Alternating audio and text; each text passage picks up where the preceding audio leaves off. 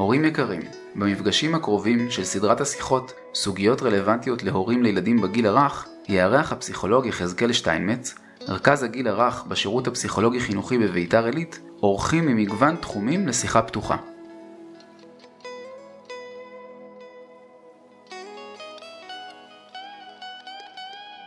והיום נשוחח עם יעל סעדון, מרפאה בעיסוק, בנושא ליקויים בעיבוד התחושתי אצל ילדים בגיל הרך. האזנה נעימה.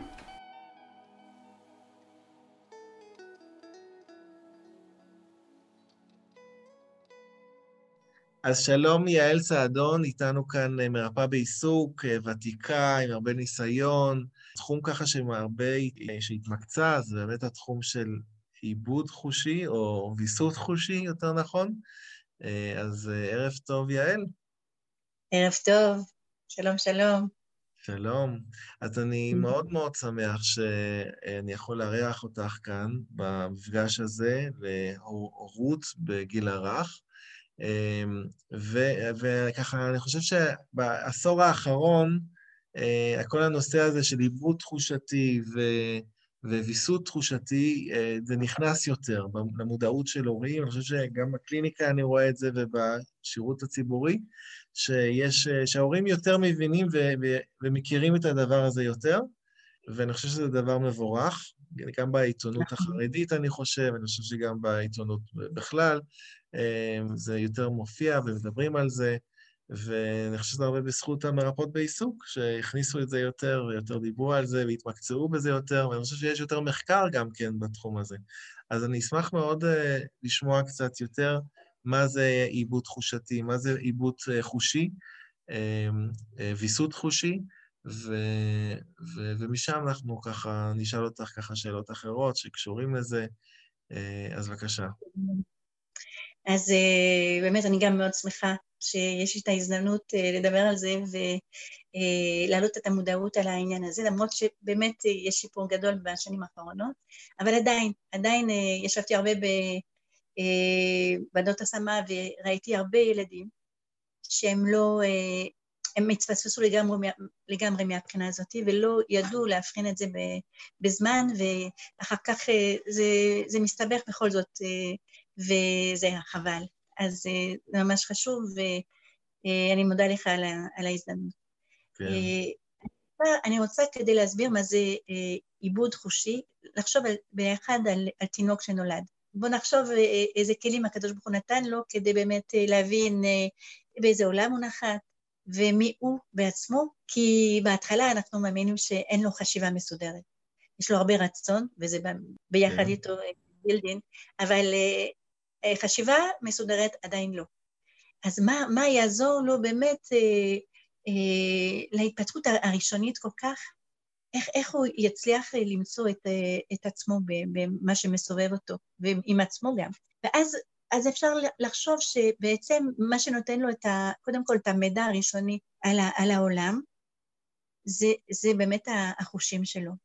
Mm-hmm. החושים, הכלים הבסיסיים שהקדוש ברוך הוא נתן. כדי כן. לארגן לאט לאט את, ה, את החשיבה שלו, ואיך זה קשור? בעצם אה, לארגן, בעצם לארגן את העולם של התינוק הזה, אולי ה... נכון, נכון העולם מאוד, אה, מאוד מבולבל, מאוד אקראי בהתחלה, נכון? תינוק קצת זז ככה באקראיות, הוא שם לב עם הזמן שיש תמיד איזה, את התמונה הזאת בפינה, אבל לאט לאט עד שהוא... אה, הדברים בהתחלה ממש נרשמים בצורה אקראית. ולא... כן. ולא אנחנו באמת רואים, רואים אה, תינוקים, אה, או בשלבים אה, התפתחותיים מסוימים, שככה מכניס דברים לתוך הפה, להרגיש את הדברים. אז יש, יש באמת למידה דרך החושים. לגמרי, ואני מאמינה שאנחנו עוברים מהשלב הזה האקראי והראשוני כל כך, הסתמי כביכול, כן? לאט לאט אנחנו רואים שהרישומים האלה, הראשונים שבמוח, הופכים להיות אה, גשר לעוד אה, רישומים, כן? שמתאימים, ולאט לאט החשיבה באמת מתארגנת. Mm-hmm. ואם אנחנו חושבים על תינוק רך שבוכה בגלל שהוא רעב, כן?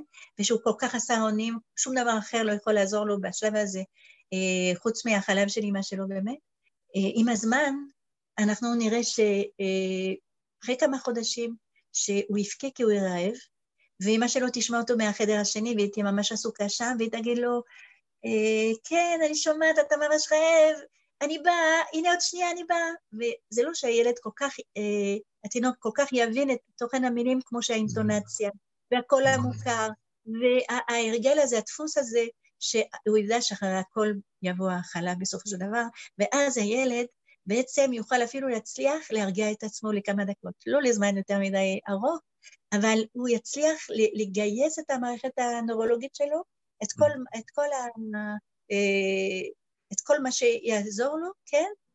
להרגיע את עצמו, וזה בעצם נקרא אה, ויסות, ויסות חושי. זאת אומרת שילד אה, בין הרבה גירויים, בסיטואציות שהן פחות מאוזנות לכאורה, גם מבחינה רגשית, הילד יצליח אה, לווסת את עצמו, זאת אומרת למצוא איזה איזון במצב הזה, כן? ולהישאר מחובר. בעצם זאת ההגדרה. מה שאת בעצם מתארת זה בעצם אה, אה, ויסות אה, רגשי, אני חושב, של באמת אה, נכון. דרך, דרך אולי החושים, על ידי ש... אבל אה, למשל, באמת זה שהתינוק הזה שומע את האימא, אז הוא שומע את הקול והאינטונציה של האימא והקול המרגיע, אז זה עוזר לו לווסת את, ה, את עצמו אה, נכון. מבחינת רגשית.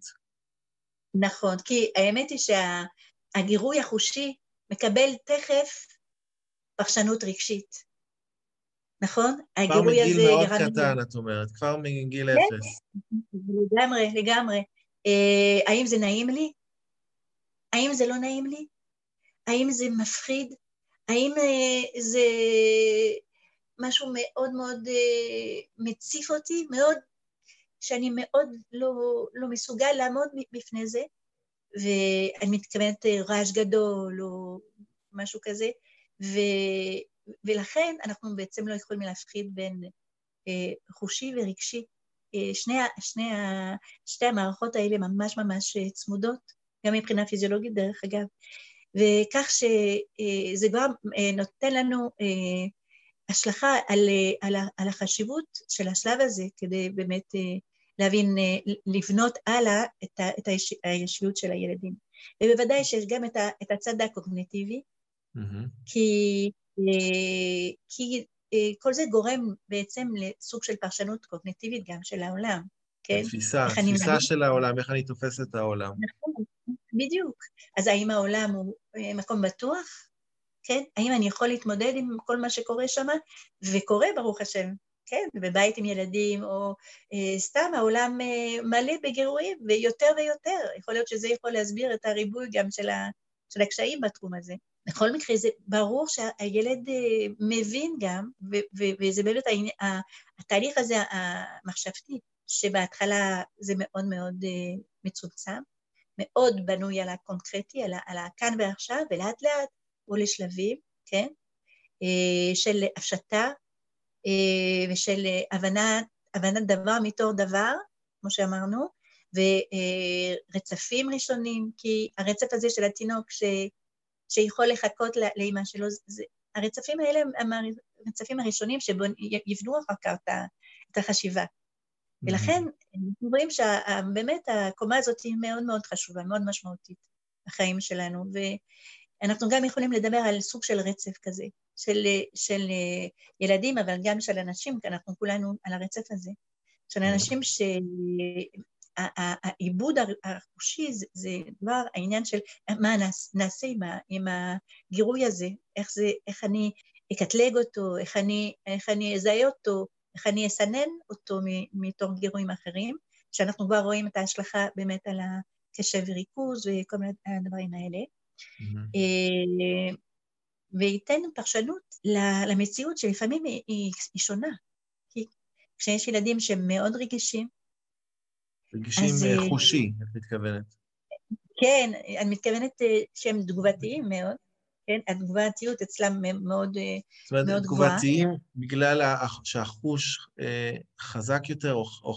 בדיוק, בדיוק.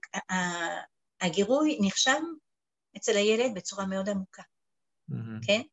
יותר מפחות, אבל באופן כללי זה לא נחשם בצורה סטנדרטית, וזה גורם לילד תגובה רגשית. גם יותר, יותר גדולה. יותר חזקה. חזקה והרבה פעמים של, שלילית, בגלל שאפשר לחשוב שהגירויים האלה פשוט תוקפים את ה, כביכול את, ה, את הילד, והילד נותן פרשנות רגשית שלילית. Mm-hmm. לאיש הזה, ל, ל, ל, לילד הזה שהוא מאוד אה, נוגע בי, שמאוד אה, מפריע לי, מה, הוא מתקרב אליי מאוד לאוזן, עושים לי כל מיני רעשים, או הוא, הוא זז לי מול העיניים כל הזמן, או שהוא נוגע בי ואני לא אוהב את זה. הוא נוגע בי וזה אולי נחווה כבאמת משהו מציק, או איזה משהו שמבהיל. נכון, כמו סוג של איום. וברור שהילדים האלה מסתובבים עם סוג של תיק על הגב, בדרך כלל הם, הם מאוד חכמים, אפילו יותר מאחרים, כי הם רואים את הכל, שומעים את הכל, על כל, כל הזמן הם אונליין בעצם. הכל, הכל רשום, ו... הכל נרשם. נכון, עמוק, וזה ילדים בדרך כלל עם זיכרון מאוד מפותח גם, כי באמת הכל נרשם, והם מסתובבים עם, עם המון המון מחשבות, חושבים הרבה, וזה מביא אותם למקום של דאגה גם הרבה, או של, של מתח, של סטרס. אה, והם דרוכים, דרוכים לכל מה שיקרה מסביבם, והם קצת דואגים מה יהיה איתם. ולפעמים גם התגובה שלהם היא בהתאם, או ב fight. מגיבים, כן, מגיבים בח, בחריפות מדי, הם ב fight, הם, הם אה, תוקפנים יותר אולי. נכון, או שהם בפריז, בגלל שהם ממש משותקים ממה שקורה. בכל מקרה יש להם המון מתח, אז אה, אני חושבת שאפשר לזהות את זה אצל הילדים. מאוד מעניין, כי באמת את מדברת על זה שבאמת כל העולם של ההתפתחות החושי אה, מאוד מאוד אה, קרוב לתגובות הרגשיות, לעולם הרגשי. נכון. את הטריגר של הדברים, לא סתם ילד מגיב, לא סתם אה, ילד בלחץ, יש איזו סיבה, כן?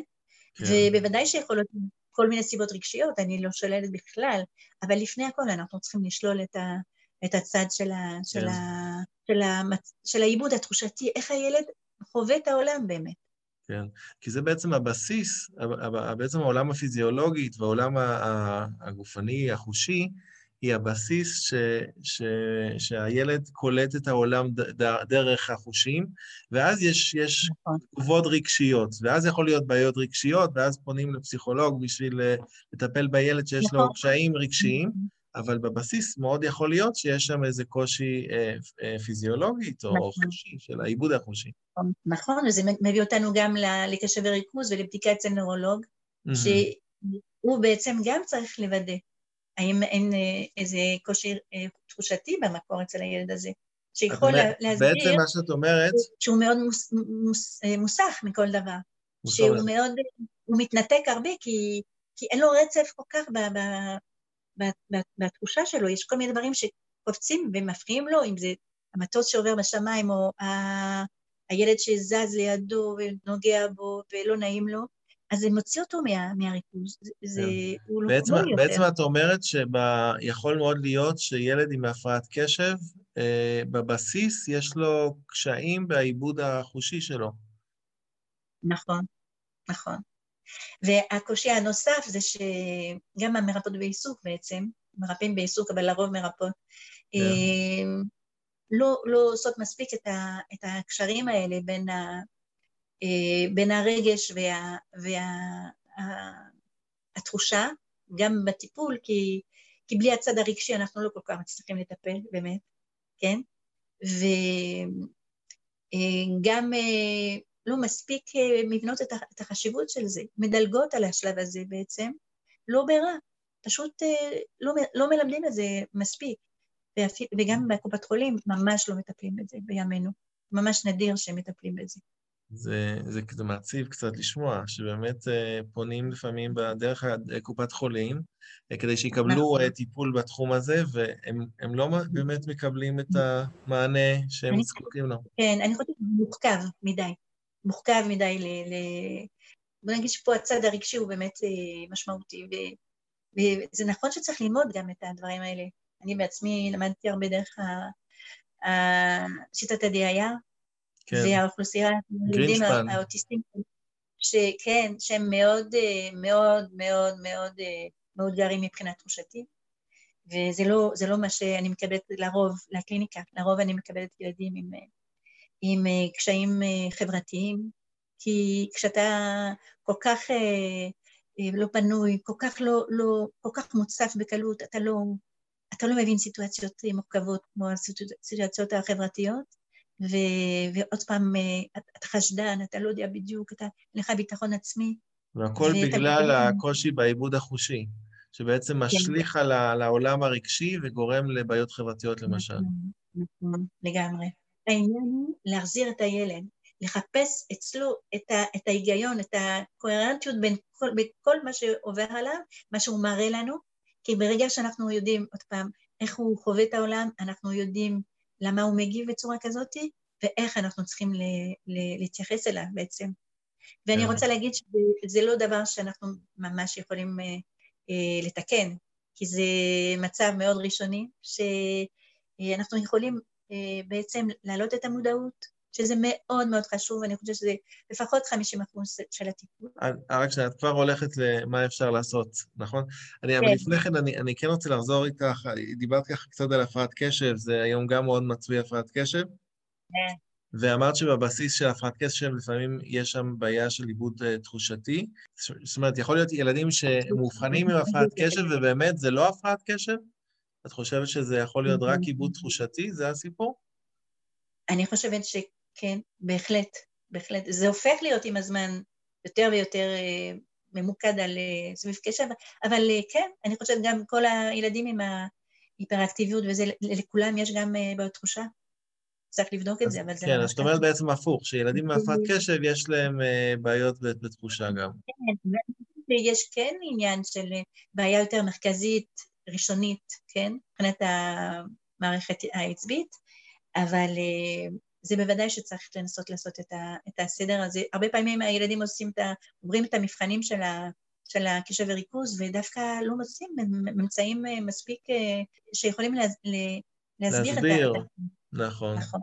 יש מקרים באמת מורכבים, לפעמים שאנחנו מאבחנים אה, ילד עם הפרעת קשב, שחסר באמת החלק אה, התחושתי. אה, שתספרי קצת על הפרופיל הסנסורי, כי זה חלק מאבחון שמרפאות בעיסוק, שהתמקצעו בתחום, נכון. משתמשים, נכון. ושכן יכול לעשות איזה הבחנת מבדלת בין הפרעת קשב לבעיות בתחושה. נכון, לגמרי. הפרופיל הוא בעצם אה, שאלון מאוד מפורט על מערכות חוש, אם זה ראייה, שמיעה, אה, מישוש וכל מה שכרוך בזה, ואני קוראת לזה התעודת זהות של הילד מבחינת התחושה. ככה אנחנו יכולים אה, להיכנס לתוך העולם של הילד ולהבין באמת מה קורה אצלו. אה, בוודאי, בוודאי גם עם התשאול של ההורים, שההורים כל כך חשובים כדי להבין מה קורה עם הילד, ובלעדם אי אפשר לעשות שום דבר בעצם. אני חושבת שבכלל אי אפשר אף פעם אה, להתייחס לילד בלי, בלי להתייחס ל... להבין איך ההורים שלו רואים אותו. והשאלות האלה ממש מנחות אותנו על אה, אם זה ילד באמת ש, שלא מספיק מרגיש את הגירויים, כי יש גם כזה מצב, כן? זה סוג של אה, רצף כזה בין הילדים שלא מספיק אה, מרגישים, ואז המידע ש, של העולם בעצם לא עובר לידם, וזה מאוד, מאוד עצוב, כי הם לא מספיק מגורים, זאת אומרת, הם לא, הם לא מרגישים מספיק את הגירויים כדי לאבד אותם ולהבין וללמוד מהם. מצד שני, יש את ה... בקצה השני יש את הילדים שמגיבים כל כך חזק יותר ומהר יותר ובהישרדות יותר, אה, כי זה באמת הישרדותי הרבה פעמים. תיקח ילד אה, שלא אוהב שניתוק מהרצפה ותזרוק אותו באוויר, אתה תראה שזה פשוט אה, לא להאמין. הילד גם יכול, הוא יכול לתת איזה מכה או משהו באותו רגע, כן? שמה? שמרימים. את הילד והוא מתנתק מהרצפה. כן, אתה לוקח ילד וזורק אותו באוויר קצת כדי לשחק איתו, פתאום אתה יכול לקבל תגובה מאוד מאוד מאוד הישרדותית בעצם. ומה כן? כי... הבעיה שם, לפי מה שאת מבינה? מה יכול להיות הקושי בחוש, בחושים?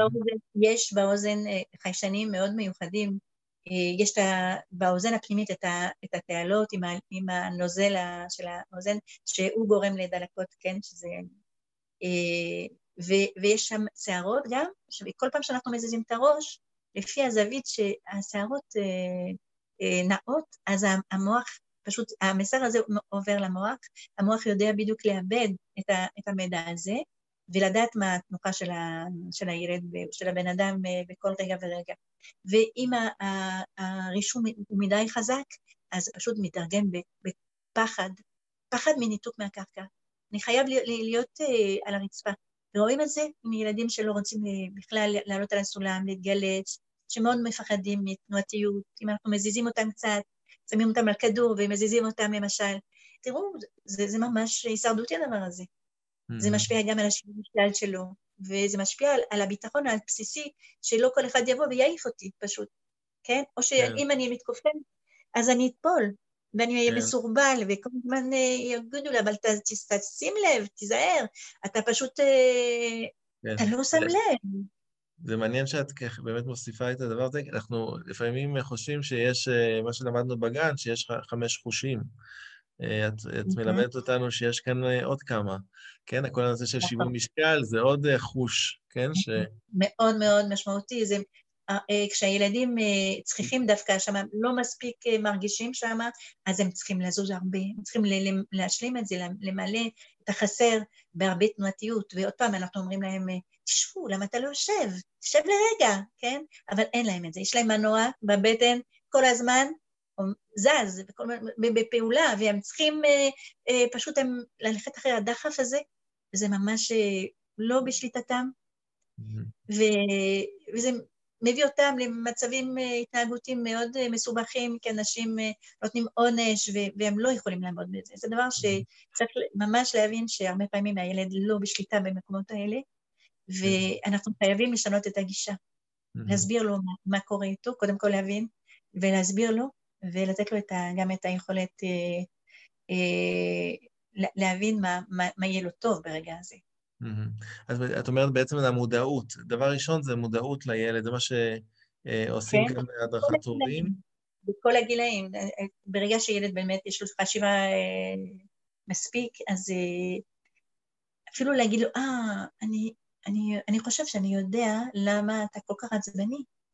חזרת מה, מהחדר או מהגן ו, וראית, היה כך וכך. אנחנו עוזרים לו לספר לעצמו את הסיפור שהוא לא יודע לספר. ואז אנחנו פשוט אה, נותנים לו להבין מה, מה שקרה לו. לא סתם הוא מגיב ככה, הוא לא משוגע, ממש לא. כן. ואפשר לחיות עם זה. כן, אז באמת המודעות, זאת אומרת, שהילד יבין את עצמו, שיבין מה קורה איתו, מה עובר עליו. אה, נכון, כי כשהוא מוצף, זה כאילו בן אדם הולך ברחוב ופתאום נופל לתוך בור, והוא לא יודע למה הוא נפל לתוך הבור, ובוודאי שהוא לא יודע איך לצאת ממנו. והוא נשאר חסר אונים, וזה מאוד מערער את הביטחון של הבן אדם, כי אם אתה ככה יכול להתנהג לפעמים בצורה כזאת, אז, אה, אז אתה לא יכול לסמוך על עצמך. Mm-hmm. וגם, וגם הסביבה מרגישה בזה טוב טוב. ואתה לא זורם עם המציאות, אתה לא שמח, כל דבר מפריע לך, כל דבר אה, צריך איזו איזה שליטה מיותר, אה, מוגברת, כי אתה מרגיש שכל העולם עליך בעצם. אתה חייב להחזיר לעצמך את השליטה באיזשהו מקום. זה דבר מאוד טבעי. אז אני אגיד אם אתה אתה רוצה שאני אתייחס לטיפול? כן, כן, אני, אני, אני אשמח לשמוע קצת באמת אה, מה, מה המרכיבים של הטיפול אה, ומה ההורים יכולים לעשות כדי לעזור לילדים שלהם שהם חוש, חוששים שיש להם אה, ילד עם, או ילדה עם קושי מהסוג הזה. המודעות עוברת דרך ההורים קודם כל. ההורים צריכים אה, להבין מה שעובר, ואז הם מסוגלים להיות, להפוך, במקום להיות מול הילד, ליד, להיות לצד הילד, ולעזור לו להבין מה שקורה לו. ובר... זאת אומרת שהתיווך פה הוא מאוד מאוד מאוד משמעותי. וברגע שהילד מבין שיש היגיון בתגובות שלו, וזה לא כזה בלאגן או, או סוג של אה, דבר שאי אפשר בכלל אה, לנהל אותו, אז לאט לאט הוא, יצ... הוא יצליח לנהל את עצמו. Mm-hmm. זה דבר זה... מאוד, אה, מאוד מרשים, אני חושבת, איך שהילדים יכולים לאט לאט להירגע. יש, יש עוד עניינים, יש, בוודאי שצריך לטפל בגוף הזה שהוא זועק, כן? כן. או שהוא בהימנעות, ואז מפחד מכל דבר, או שהוא בחיפוש אדיר ושום דבר לא יכול לעצור בידו, צריך לטפל בגוף, כי זה, זה, זה המקור בעצם של, ה, של העניין. כן? הדבר הראשון זה המודעות, אה, וזה כן. מה שאתם גם עושים אה, בהדרכות הורים. אה, נכון, בעיקר שבאמת נכון. שההורה יהיה- ילווה את הילד, ושלא נכון. לבד שם, כי הילד לא מבין את עצמו, לא קורא- לא מבין מה קורה איתו. חוץ מזה שזה דבר תורשתי, ורוב הפעמים ההורה אומר לי, אה, אבל רגע, גם אני, כן? אז אני חושבת שבדיעבד הוא פשוט חושב על, על עצמו, על הילדות של עצמו, על, על הדברים, איך שהוא גם עכשיו מתנהג. כן. אה, הדברים היותר. מוכרים באמת, היותר מוכרים באמת אה, בעניין של הקשיים בעיבוד החושי, זה באמת אה, התוויות, למשל, שמפריע מבחינת נכון. המגע, נכון. המגע לא נעים. הטיפוח, ה- לק- לקצת את הציפורניים ולהסתפר ולגעת. יש ילדים שלא אוהבים שנוגעים בהם, רק מרק, או שהם צריכים את הכי הכי עמוק, הכי חזק. ובאמת זה אחד מהעקרונות של הטיפול. הדברים העמוקים מרגיעים, גורמים לגוף אה, להפריש אה, סרוטונין, שזה ההורמון של, ה, של הרוגע ושל ה, להרגיש טוב עם עצמי, כן. כן? ואני מתכוונת למשל אה, אה, במגע, כן? למסאז' עמוק, כן?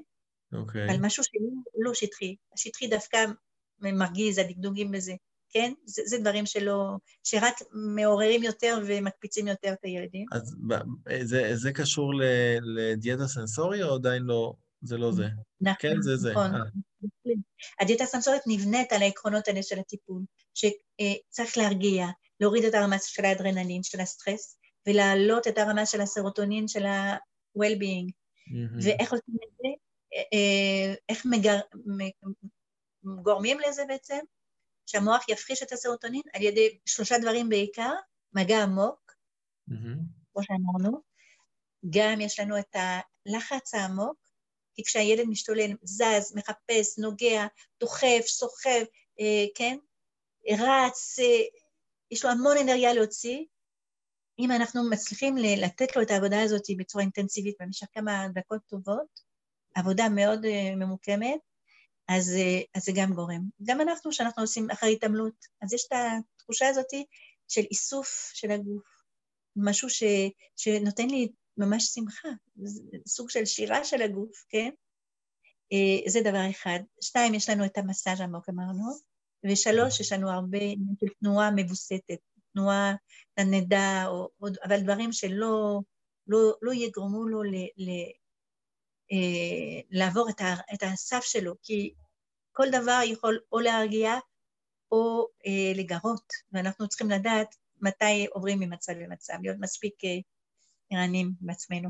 כן, אז באמת המ- המומחי, מי שמומחה בתחום, אז באמת אה, חלק מהעבודה זה באמת למצוא את האיזון הנכון, מה, איפה עובר הגבול. נכון. זה מעצבן ו- כבר ומפריע.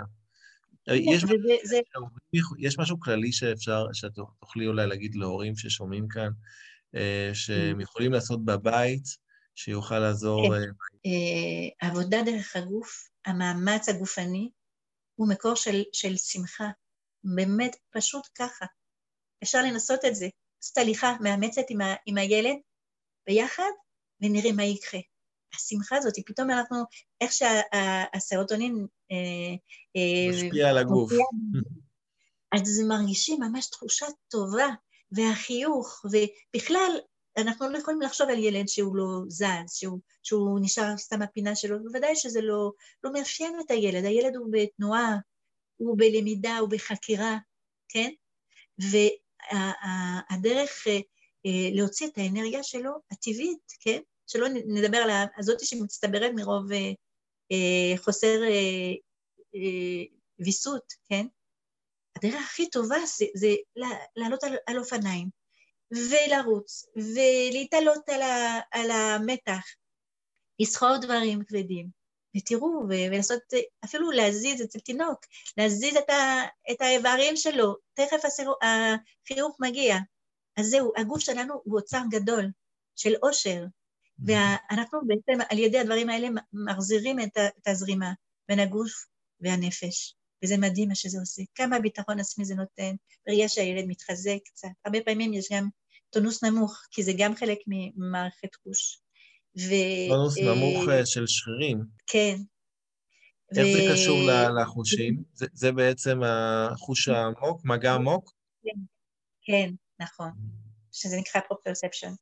בקיצור, אה, העבודה דרך הגוף, הביטוי דרך הגוף, המרחב, הדברים שגורמים לך את השמחה הזאת הכל כך אה, ראשונית ובריאה, כן? אז, אז ללכת על זה, לעשות התעמלות עם הילדים בבית. גם בזמנים האלה המשוגעים של הסגר ושל הזה, שהילדים לא מספיק יכולים אה, לפרוק את האנרגיה שמצטברת אצלם. אפשר לבנות מסלולים בבית, סתם עם מה שיש בבית, כיסאות, אה, כל מיני ארגזים, לא יודעת מה.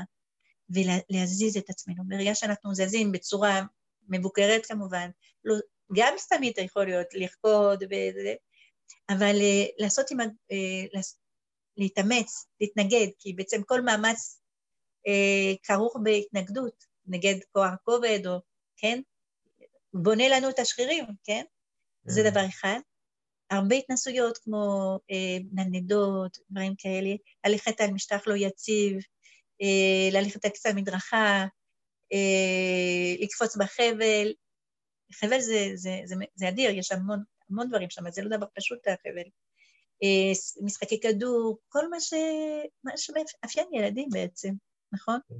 כן, אני חושב תוך כדי באמת שילדים אה, אוהבים לנדות, אוהבים ככה להתנתק מה, מהיציבות. כי זה, זאת הדרך, אין מה לעשות. והעבודה הזאת היא מחזירה אותנו לשלבים יותר מוקדמים של, ה, של ההתפתחות הרבה פעמים, אבל זה קרוב בכל כך הרבה הנאה, כל כך הרבה ביחד, הנאה משותפת, שאנחנו פה משמעותיים בשבילו, הוא יכול לבחור, בואו ניתן להם הרבה יותר לבחור במה הם רוצים לשחק, במה, בואו בוא נקדיש להם קצת זמן נטו, בלי טלפונים ובלי עניינים, ובלי להסתכל כל מה שהם מסביב צריך לסדר, וכן, להיות איתם, אפילו רק עשר דקות. כמובן שעשרים דקות זה הרבה יותר טוב, כן? אפילו כן. רק עשר דקות, ולהיות באמת מאה אחוז עם הילד הזה. ולהגיב אליו, להתייחס אליו, לתת לו את התשומת לב שכל ילד צריך, כן? ולהיכנס אל העולם שלו. כמו שהרבה הורים דיברו על, במשך הסגר, שלמדו להכיר את הילדים שלהם. וזה yeah. כן. באמת אה, עצוב, בעידן המודרני אנחנו כל כך עסוקים בכל כך הרבה דברים, במיוחד אנשים באמת. כל הכבוד אנשים. וחוזרות הביתה מאוד שמחות לראות את הילדים שלהם, אבל גם כל המטלות. בואו ננסה להיות גיבורות, לסגור את הטלפונים, להיות איתם נטו, לרדת על הרצפה וממש לשחק בכיף, בלי לחשוב על שום, בלי לדרוש שום דבר. לא ללמד. מספיק. פשוט להיות איתם. להיות איתם, ולבנות את התקשורת הזאת הכל כך ראשונית, כל כך יפה, ש... ואת אומרת שזה זה, נכון לכל ילד, לכל ילד זה יעזור, וזה... זה, זה לגמרי. וקו החומר לילדים האלה שהם מאותגרים, ושהם את הצרכים של, של, של עצמם, ו... שיש להם פרופיל סנסורי קצת יותר... אה, מורכב. מורכב. נכון. איך, איך זה בעצם יעזור ל, לילד המתקשה עם הפרופיל סנסורי מורכב יותר? כי, כי הדברים שאת אומרת, זה, זה, זה, אני חותם על זה כפסיכולוג, זה ברור שזה, ההשלכות הרגשיות ודאי שהן מועילות, אבל מבחינת uh, חושי ועיבוד התחושי, איך, איך זה פועל ואיך זה מתקן? אני אגיד לך, אם אתה ברגע שאתה על הרצפה עם הילד, אז uh, הרבה ילדים אוהבים להימרח על הרצפה, למשל, להרגיש את הקור של הבלטות, או, או להרגיש את עצמם, כן? שוכבים שם, ה, מרגישים את הגוף של עצמם. אה, כל ההתנסויות האלה הראשוניות של אה, גלגולים, של, אה, של חיבוקים, של צחוקים, של סתם לעשות דברים בלי משמעות מיוחדת, אתה יודע, סתם הכיף להיות ביחד. Mm-hmm. בדרך כלל זה עובר דרך הגוף. זה, זה, זה חוזר לדברים יותר... בעצם מה, שזה, בעצם מה שזה עוזר, זה בעצם עוזר לווסת את, ה, את הגוף, לווסת את החושים. של, ה, כן. של, ה, של הגוף. להכיר, לגעת, אתה יודע מה, מה החשיבות של המגע הזה?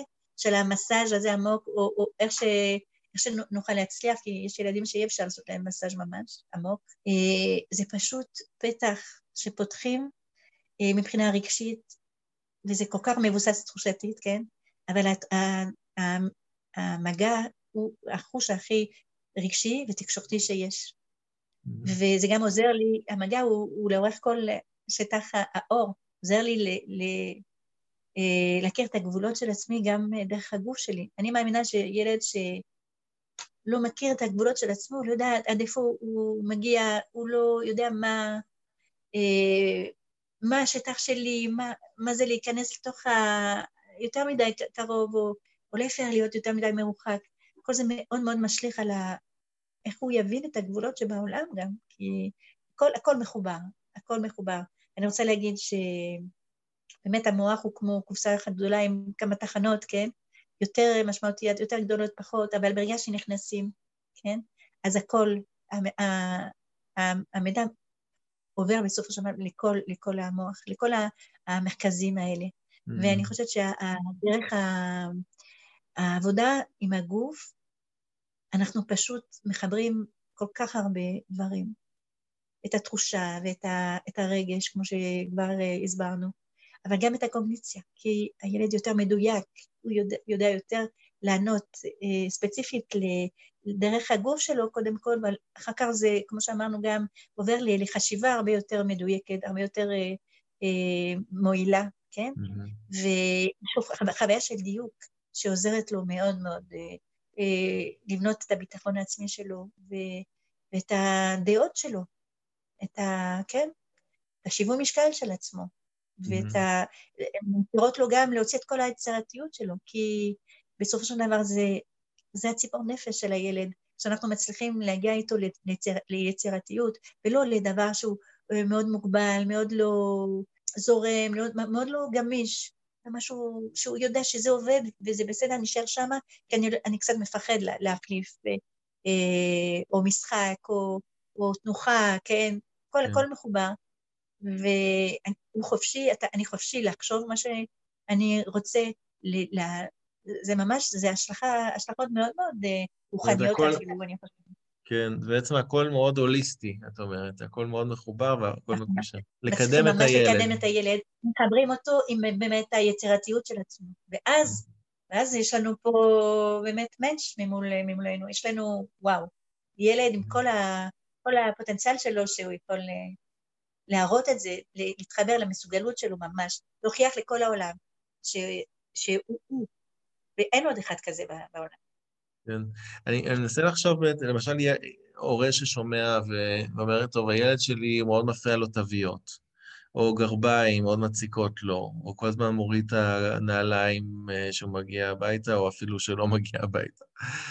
אה, מה, מה את יכולה להמליץ להורים כאלה לעשות? קודם כל, להסתכל עליו, הוא עשה את זה, נכון? והתגובה שלך הראשונית זה אולי להתעצבן על זה, כי לפעמים זה לא מתאים, אנחנו יודעים. אבל להתקרב אליו, להסתכל עליו בעיניים, לעלות, להראות יותר אפקט, יותר אכפתיות בפנים שלך, כן? אה, ואתה שואל אותו, נכון? אתה לא אוהב נעליים? זה, מה קרה? זה מרגיז אותך אולי? אני בטוחה שאתה עושה את זה, ב, שיש לך סיבה להוריד נעליים, אפילו שלפעמים זה לא, זה לא נוח לי, זה לא נעים לי, אבל אני חושבת ש, אה, שיש לך סיבה. האם זה בגלל שזה מרגיז אותך? משהו מפריע לך? ואז הילד מסתכל עליך, הוא מופתע. הוא לא יודע מה, פתאום אתה נכנס לתוך העולם שלו. ובמקום להסתכל על זה בצורה שטחית, אתה נותן לזה פרשנות הגיונית, ואתה עוזר לו להבין את עצמו. ואז, אז אתה תוכל להגיד לו, אתה יודע מה? אני ממש מבין אותך, שזה מפריע לך. אתה יכול אפילו לספר לו שגם לך זה היה ככה שהיית ילד, אולי, כן? או לאימא, או מישהו אחר מהמשפחה. ואתה כן. אומר, וואו, זה באמת לא קל, ככה, ואתה ככה מסתובב כל הזמן עם זה, וכשאתה לא יכול להוריד את הנעליים, אז אתה, זה באמת מפריע לך. להיכנס לזה יותר, להישאר ברגש הזה, במצב הזה, להיות שם איתו, ואז אחר כך לנסות למצוא פתרונות. ואתה תשאל אותו, מה אתה חושב? מה, מה אנחנו יכולים לעשות עם זה, אבל? כי לפעמים צריך נעליים, אין מה לעשות, והוא יודע את זה. אבל אתה תהיה מופתע, פתאום אתה תזרוק לו את זה, הוא, הוא ייקח אחריות על הדבר, והוא ימצא ביטחונות גם. יפה. ביחד איתך, לעזור לו. לא להיות מול הילד, לא להתייחס אליו בצורה שטחית, אלא באמת לזהות את הרמזים שהוא נותן לנו, כן? ו, ולעזור לו להבין את עצמו ו, ולנהל את עצמו בסופו של דבר. כי ברגע שהוא הוא, הוא יודע שאתה מבין אותו, אז יהיה לו הרבה יותר קל לקבל את הגבול שלך. אתה תגיד לו, פה, אתה יודע, חייבים ללבוש נעליים, נכון? נכון? כל הכבוד לך, אתה ממש, איזה... איך אתה מתגבר? אני ממש מעריכה את זה, מעריך את זה. זה משהו אחר.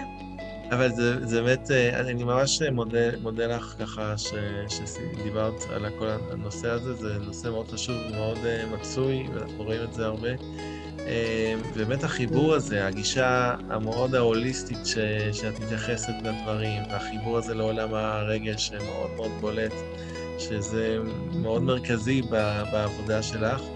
אמ, אז אני ממש אה, שמח שככה סיפרת קצת על, על העבודה שלך, ובאמת מה ההורים יכולים לעשות כדי לחזור לילדים.